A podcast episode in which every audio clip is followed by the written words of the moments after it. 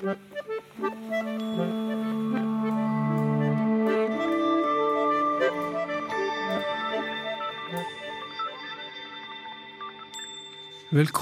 til podkasten som heter Ytringsklima. Her snakker vi om hvordan folk snakker sammen på jobb. Eh, mitt navn er Øyvind Kvalnes. Jeg er filosof og professor ved Handelshøyskolen BI.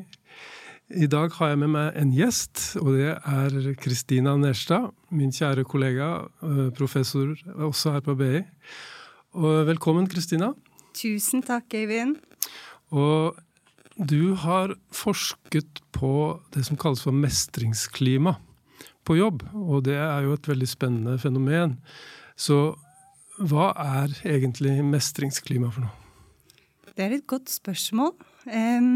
Det går jo an sikkert å definere et mestringsklima på mange ulike måter. Men den måten som måte jeg har definert det på, basert på de teoriene som jeg jobber ut fra, så handler et mestringsklima om eh, at det er fokus på læring, utvikling, mestring, stor grad av egeninnsats og samarbeid. Så det er på en måte viktige suksessfaktorer i et mestringsklima. Nettopp. Mm. Er det sånn at enhver arbeidsplass har et mestringsklima, eller er det noen som mangler det, eller hvordan det er et veldig godt spørsmål. Eh, jeg har jo sammen med kollegaer gjennomført ganske mange ulike studier på dette med mestringsklima. Eh, og vi finner som regel at det er et mestringsklima i mer eller mindre grad. Mm. Så ja, basert på de dataene jeg har til nå, så ser det ut til at det, det, eksisterer i mer eller mindre grad, hvis det er klargjørende nok. Ja, jeg syns det.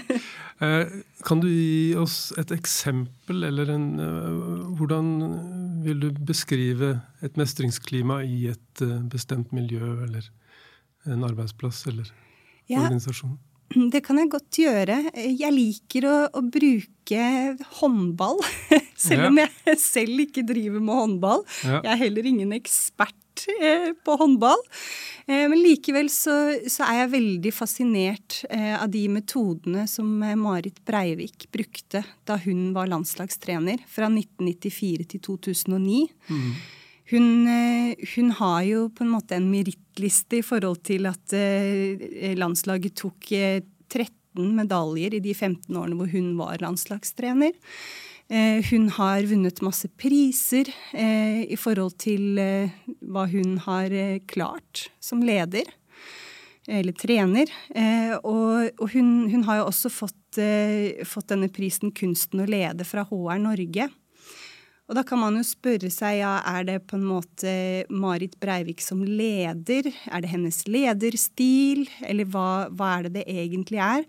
Og basert på det på måte jeg observerte i den tiden, og, og når jeg har lest mye om, om, om, måte hennes filosofi, så tenker jeg at det hun klarte å skape, det var et mestringsklima. Og grunnen, grunnen til at jeg eh, mener det, eh, det er at eh, det, hun gjorde, var å favne om veldig mye av det som, som jeg har trukket fram allerede, som et mestringsklima handler om. Hun var jo veldig opptatt av eh, Hun sa jo noe i retning av at i fellesskap så klarer vi mer enn hver for oss. Eh, hun var veldig opptatt av å sette konkurrenter sammen på, sammen på trening, sånn at de skulle lære av hverandre. Og hjelpe hverandre til å bli bedre. Så selv om kanskje den ene en gang fikk mer spilletid enn den andre, så var det kanskje den andres tur neste gang. Så, og det å sitte på, på benken og, og, ikke ha spilletid, det kan jo ses på som, som på en måte et nederlag for mange spillere. Eh, men hun kalte det ressursbenken. Eh, ja. Så spennende. Mm -hmm. eh, for da snakker du om å bringe interne rivaler sammen til å hjelpe hverandre til å utvikle seg og, og bli bedre? Riktig. Og tenke at uh, hvis det er noen som er bedre enn deg, snu det til hva kan jeg lære av min kollega eller min medspiller? Hva er det denne personen gjør som er bra, hva kan jeg lære av det? Men også at den som, som, kanskje er i den posisjonen at han eller hun er bedre, hva kan jeg gjøre for å hjelpe de andre på laget til å bli bedre? Ja. Så det er dette, det er dette samspillet. Dele eh, kunnskap, dele kompetanse. Det å medvirke til at andre lykkes. Fordi da blir jo både andre og du selv veldig god. Nettopp. Eh, jeg syns dette er veldig spennende tanker, og jeg tenker også at det har overføringsverdi til andre miljøer. Eh, men jeg har også opplevd selv når jeg har holdt foredrag eller kurs, at, at mottakerne har vært litt skeptiske. når jeg, jeg har også vært begeistret for eh, Marit Breivik og det hun fikk til. Og så har jeg prøvd å lansere det for topptrenere i fotball i ja. Norge. Og så sier de ja, men du vet, det er håndball, og det er kvinner. Så de har vært veldig skeptiske. Så jeg har prøvd å overbevise dem om at ja, men det er noe å lære der, faktisk. Mm. Selv om det er kvinner, og selv om det er håndball. Mm. Så eh, hva tror du skal til for at vi får en interesse for dette, og en øynene opp for dette i andre miljøer utover eh, kvinnelig håndball? Det er et veldig godt spørsmål. Og Marit Breivik fikk jo også kritikk i perioder når det ikke gikk sånn kjempebra. Eh, om hennes på en måte tilnærming, at hun var for snill osv. Eh, men likevel så, så, så tenker jeg det er veldig viktig å fremheve at et mestringsklima det krever at du jobber hardt. Det krever også at du presterer. Men sammenligningsfaktoren er deg selv, så du er ikke så opptatt av å hele tiden sammenligne deg med alle andre. Og også fra en leders perspektiv. Lederen er ikke så opptatt av å sammenligne deg med f.eks. dine kollegaer. Eh, men det handler om å se deg som person. Hvor er du nå? Og når du jobber hardt, hvor er du da på et senere tidspunkt? Så, så, så du selv er hele tiden den du sammenligner deg med. Nettopp. Og det kan være utfordrende. Ja. Det kan det absolutt. Men det er ikke noe sånn koseklubb, et mestringsklima. Det er knallhardt arbeid og stor grad av innsats.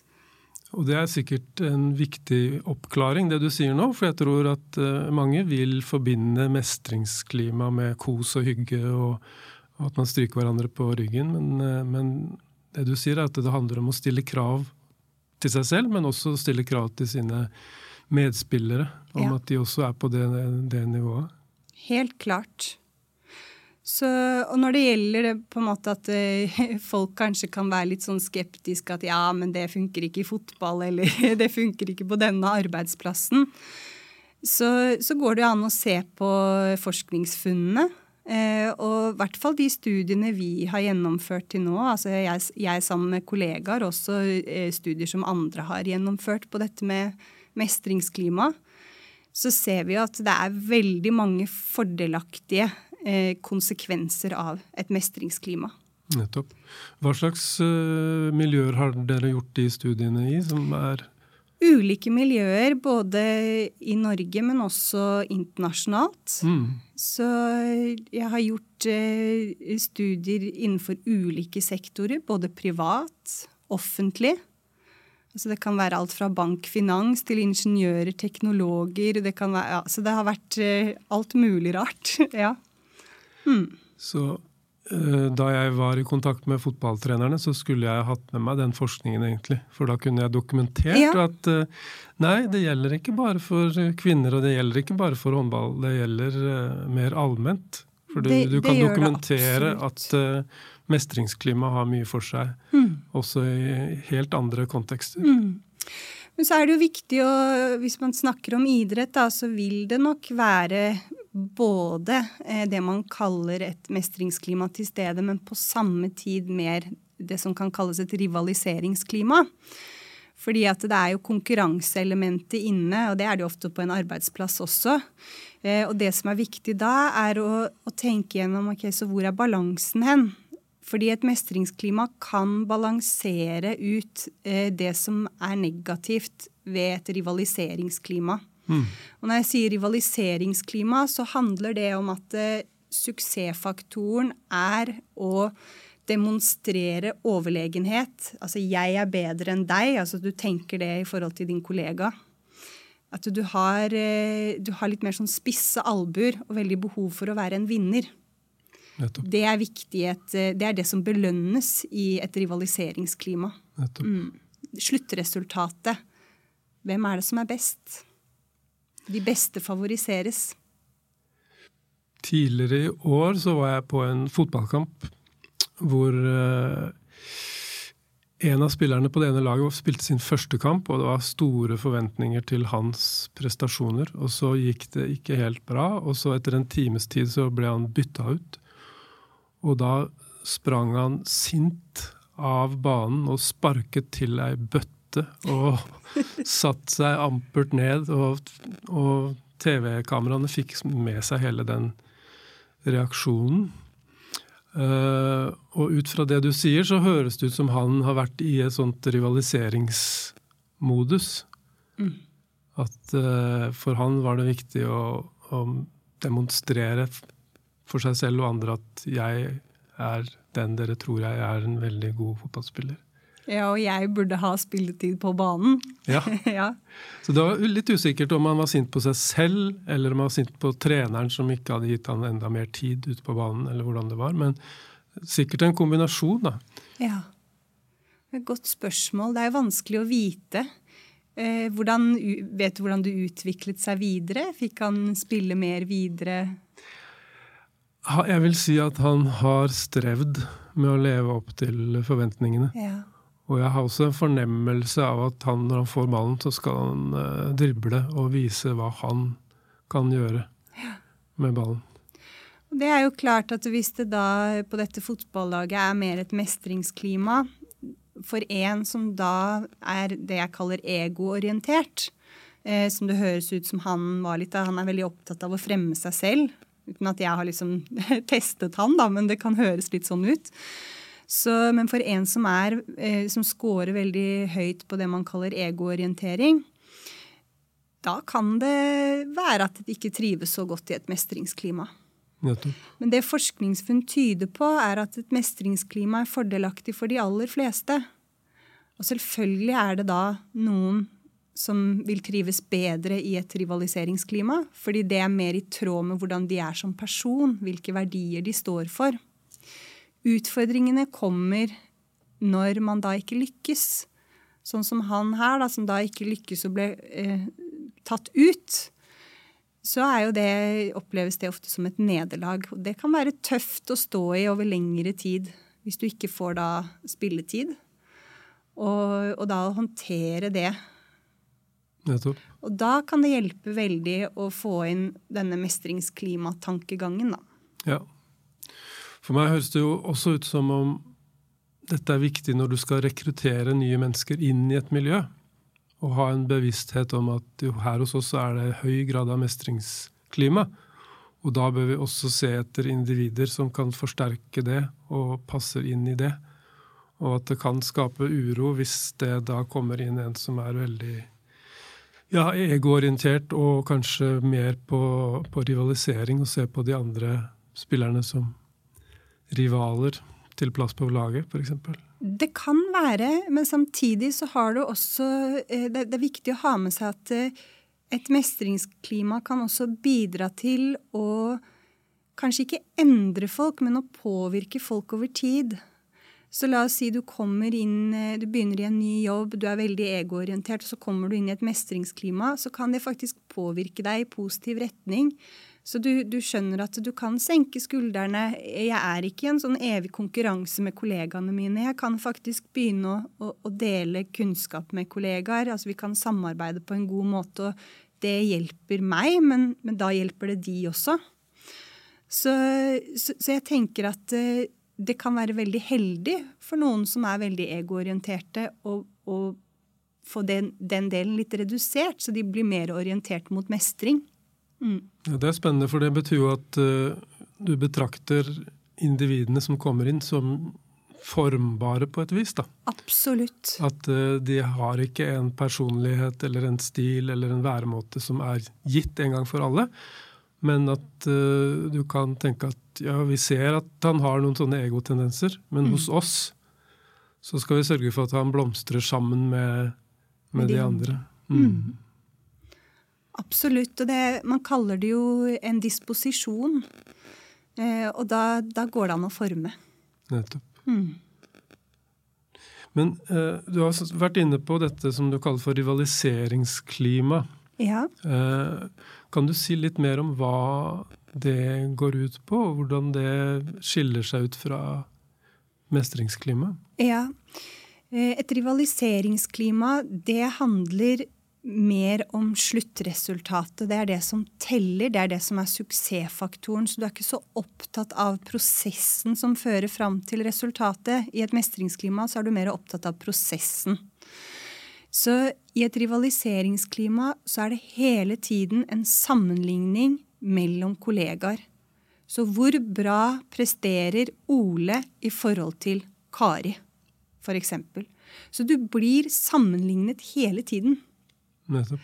Og det er, Man kan kalle det en form for tvungen sammenligning, for det er ikke alle som ønsker å bli sammenlignet med kollegaer hele tiden. Og det er sikkert mange som har kjent på det. At du, la oss si du skal presentere i et møte sammen med en annen kollega, og så blir man satt litt sånn opp mot hverandre uten at man egentlig ønsker det. Det kan være veldig ubehagelig. Nettopp. Eh, men det fins jo noen oppfatninger der ute om at det er akkurat det som skal til for å få ut det beste i folk. At du setter dem opp mot hverandre. Du skaper rivalisering, og at det, det er det som skal til for at de skjerper seg og er veldig på. Veldig godt eh, poeng. Men samtidig, no, altså noen vil trives kanskje Ja, de drives av den konkurransen. Men når det, når det, går over til å bli rivalisering, hvor det har en sånn negativ eh, negativ tone ved seg, da, det er da det blir uheldig. Fordi da gjør du egentlig hva enn som skal til for å på en måte være en vinner over kollegaen din.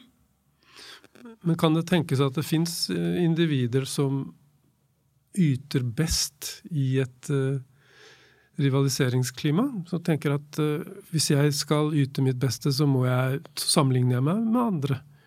Og, og, jeg, kanskje til og med her hos oss på BI, ikke sant? at nå ser jeg at kollegaen min har publisert der og der. Da må jeg skjerpe meg og, og kjøre på og, og publisere, jeg også. Mm. Absolutt. Det er noen som drives veldig av det. Eh, men jeg tenker likevel at det er viktig å ha den balansen. Så hvis du ser på toppidrettsutøvere f.eks., så, så er, scorer de som regel veldig høyt både på denne egoorienteringen og mer en mestringsorientering.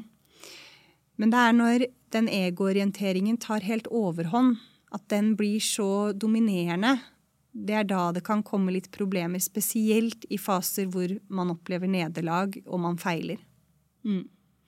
Så derfor så, så, på en måte er det viktig å ha dette, denne mestringsklimatankegangen med seg, fordi den, den fanger deg opp også i perioder hvor det ikke går så bra. Nettopp. Mm. Så i, når du besøker en organisasjon, så vil du ha elementer av begge deler? ikke sant? At både ja, mestringsklima og rivaliseringsklima som lever side om side. Ja. Mm. Er, vi har flere datasett. I noen datasett kan det tyde på det. Mens i andre datasett så ser det ut som de, de er litt mer sånn selvstendige hver for seg. Så, så vi, vi, trenger rett og slett mer kunnskap om det. Men det er grunn til å tro at de eksisterer på samme tid i mer eller mindre grad. Mm. Og når det blir for mye eh, rivaliseringsklima, da ser vi at det har en eh, negativ innflytelse på både prestasjon og også det som har med mer helse, velvære å gjøre. Dette kan du dokumentere ut fra forskning, egen, ja. din egen forskning og, og andres forskning. Altså, ja. Så det er tendenser som går i den retningen der. Absolutt. Så for de aller fleste så ser det ut til å være veldig fordelaktig med et mestringsklima. Nettopp. Mm. Jeg lurer på om du helt Når vi nærmer oss slutten, så kunne jeg tenke meg Så jeg er nysgjerrig på hvordan dette henger sammen med motivasjon. Mm. Altså, er det Hva vil du si om motivasjonen som skapes i et mestringsklima, sammenlignet med motivasjonen som fins i et uh, rivaliseringsklima? Ja, Da er det sånn at et mestringsklima skaper mer det man kaller indre motivasjon. Det vil si at den, eh, det er den indre drivkraften, den lysten du har til å gjøre noe fordi selve aktiviteten gir deg glede i seg selv. Altså Du trenger ikke en belønning for å gjøre en aktivitet, eller for å, om så det er å skrive en artikkel eller levere en rapport, eller hva enn du jobber med. da. Eh, imens et rivaliseringsklima skaper en mer kontrollert form for motivasjon. Det man også ofte kaller ytre motivasjon, hvor det er belønningene som driver deg. Om det er eh, pengeinsentiver eller andre former for belønninger. Så, så det er eh, egentlig ganske sånn tydelig der i forskningen i forhold til eh, at rivaliseringsklima skaper mer negative former for motivasjon, da. Nettopp. Mm. Men nå har vi vært gjennom en tid med olympiske leker. Mm. Og en del Vi har sett fantastiske idrettsprestasjoner. Og det er nok mange av de som står øverst på pallen, som har vært motivert av at de vil vinne gullmedalje i olympiske leker. ikke sant? Ja. Så da er det jo en sterk, et sterkt element av rivalisering i deres tankesett. Eller i hvert fall konkurranse. Ja. Jeg ser et skille mellom konkurranse og rivalisering. Ja, nettopp. Kan du si litt mer om det? Det syns jeg er spennende. Uh, ja. Konkurranse det er, altså Innenfor idrett så er det jo konkurranse. ja, du, du, kan jo kalle det rivaler også hvis man er uvenner og man ikke liker hverandre. For det blir jo ofte når man, når man bruker ordet rivalisering, så er det mer negativt, da, i mm. den forstand. At du, du kanskje ikke unner den andre å gjør det bra. Og håper på at de skal mislykkes. Når de tankene begynner å komme, da blir det en litt sånn Eller da blir det det jeg kaller rivalisering. Ja. Mens konkurranse det kan handle mer om at, eh, at du også unner andre å kunne gjøre det bra, da. Det er en spennende grenseoppgang, ja. syns jeg. Og det, det, var jo noe som Marit Breivik også var veldig opptatt av. Nettopp det at man kan beundre hverandre og unne de andre medspillerne suksess. Mm. Ja. Ja, det er uh, spennende tanker. Et uh, siste moment da, som jeg har lyst til at vi skal dvele litt ved sammen, det er jo uh, overskriften for denne podkasten, og det vi skal gjøre sammen også, Kristina, er jo ytringsklima. Ja. Og hvordan skal vi egentlig plassere ytringsklima i forhold til disse to begrepene som du har snakket om, med mestringsklima på den ene siden og rivaliseringsklima på den andre siden? Har du tenkt noe på hvordan de griper inn i hverandre på, på noen måte? Det er et godt spørsmål. Eh, ytringsklima det handler jo om nettopp det å, å føle at man eh, tør å, å, si fra om ting. Eh, at man ikke opplever å bli straffet hvis man ber om hjelp eller innrømmer å ha gjort en feil. ikke sant? Så jeg tenker at Og nå snakker jeg bare ut fra teori, fordi jeg har ikke data på det. Så det er klart, da må vi gjøre en studie hvor vi måler både ytringsklima og vi måler dette med mestringsklima og rivaliseringsklima. Men ut fra teori så er det for meg en forskjell her eh, hvor jeg tenker at mestringsklima kanskje er en forutsetning for at det blir et ytringsklima hvor folk tør å si fra og tør å ta opp ting, tør å spørre om, spørre om hjelp. Fordi at mestringsklima skaper denne tryggheten, hvor det er eh, veldig viktig å samarbeide og hjelpe hverandre. Så Det er jo noen av forutsetningene i et mestringsklima for å oppnå suksess. Så, så jeg, hvis jeg skal lage en hypotese, så vil jeg tenke at eh, mestringsklima er en viktig kilde til det man kaller psykologisk trygghet, eller ytringsklima. Mm. Spennende. Eh, jeg tror et element i ytringsklima som jeg også har vært opptatt av, er eh, det med å dele eller skjule kunnskap. Ja. Og det vet jeg at du også har, har studert. Ja. For jeg, ja, det er jo klart at hvis det er intern rivalisering, så vil det fremme kunnskapsskjuling. Ja. Mens hvis det er mestringsklima, så vil det skape større grad av deling. Ja. Men uh, kan du si noe om hva dere har funnet når dere har uh, studert dette? Ja, altså vår, vår, uh, vår studie tyder på at og, altså når du jobber i et mestringsklima, at det bidrar til høyere grad av kreativitet. Men også da at du, du skjuler mindre kunnskap. Fordi at du er jo ikke så redd for da å dele kunnskapen din, for du ser ikke nødvendigvis på kollegaene dine som en konkurrent eller en rival. Hvis vi skal bruke det ordet jeg har holdt meg til tidligere. ja. Så, så du ser heller at det, det kan gagne meg å hjelpe kollegaen min. Fordi at eh, ved å hjelpe kollegaen min, så blir jeg også bedre. For da får jeg kanskje noe igjen en annen gang, uten at du nødvendigvis forventer det. Mm. Så det er, det, det, er, er, det er, den gjensidigheten som ligger i dette mestringsklimabegrepet. At vi unner hverandre noe godt, og at vi, vi ønsker å gjøre hverandre gode. Når du forteller om det, så kommer jeg på et eksempel som uh, toppidrettssjefen Tor Øvrebø fortalte om da han holdt foredrag her en gang. Han fortalte om uh, uh, alpinistene, de norske alpinistene, som da på en måte kjemper er, er, interne rivaler, eller konkurrerer, i hvert fall fra det du, sånn som du definerer det, så konkurrerer de. Men så forventes det også at de støtter hverandre. Så når en alpinist har kjørt ned hele løypa i en konkurranse, så forventes det at han ringer opp til eh, sin eh, lagkamerat og forteller om løypa. Og forteller hvor er det isete, og hvor er det krevende, og hva må du være obs på. Og det øker jo sjansene for at eh, lagkameraten havner høyere opp på pallen enn uh, han eller hun selv gjør. da. Helt klart. Så det er jo en test på ytringsklima også, vil ja. jeg si. Er det reell kunnskapsdeling her, eller er det sånn at uh, jo, jeg sier noen ting, men akkurat uh, den S-svingen mot slutten, ja. hvor jeg holdt på å falle, det holder jeg for meg selv. Ja. Så det blir jo sånn eh, Veldig bra test. Avveining, ikke sant? og, og, og, kanskje kan det være sånn at det, det er også en, en test på den måten at om jeg holder det for meg selv, så er det ingen som kommer til å oppdage det. Det er jeg selv som har oppdaget at det er eh, en fare i den svingen. Ja.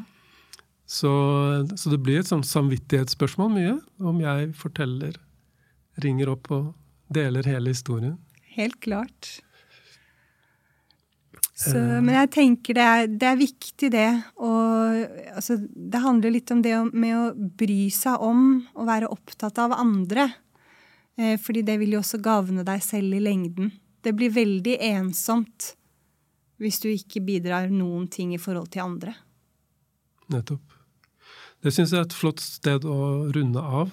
Eh, tusen takk, eh, Kristina, for at du delte dine, din kunnskap og dine tanker om dette fenomenet. Jeg er blitt eh, litt klokere når det gjelder eh, mestringsklima og rivaliseringsklima. Tusen takk. Takk for at jeg fikk komme.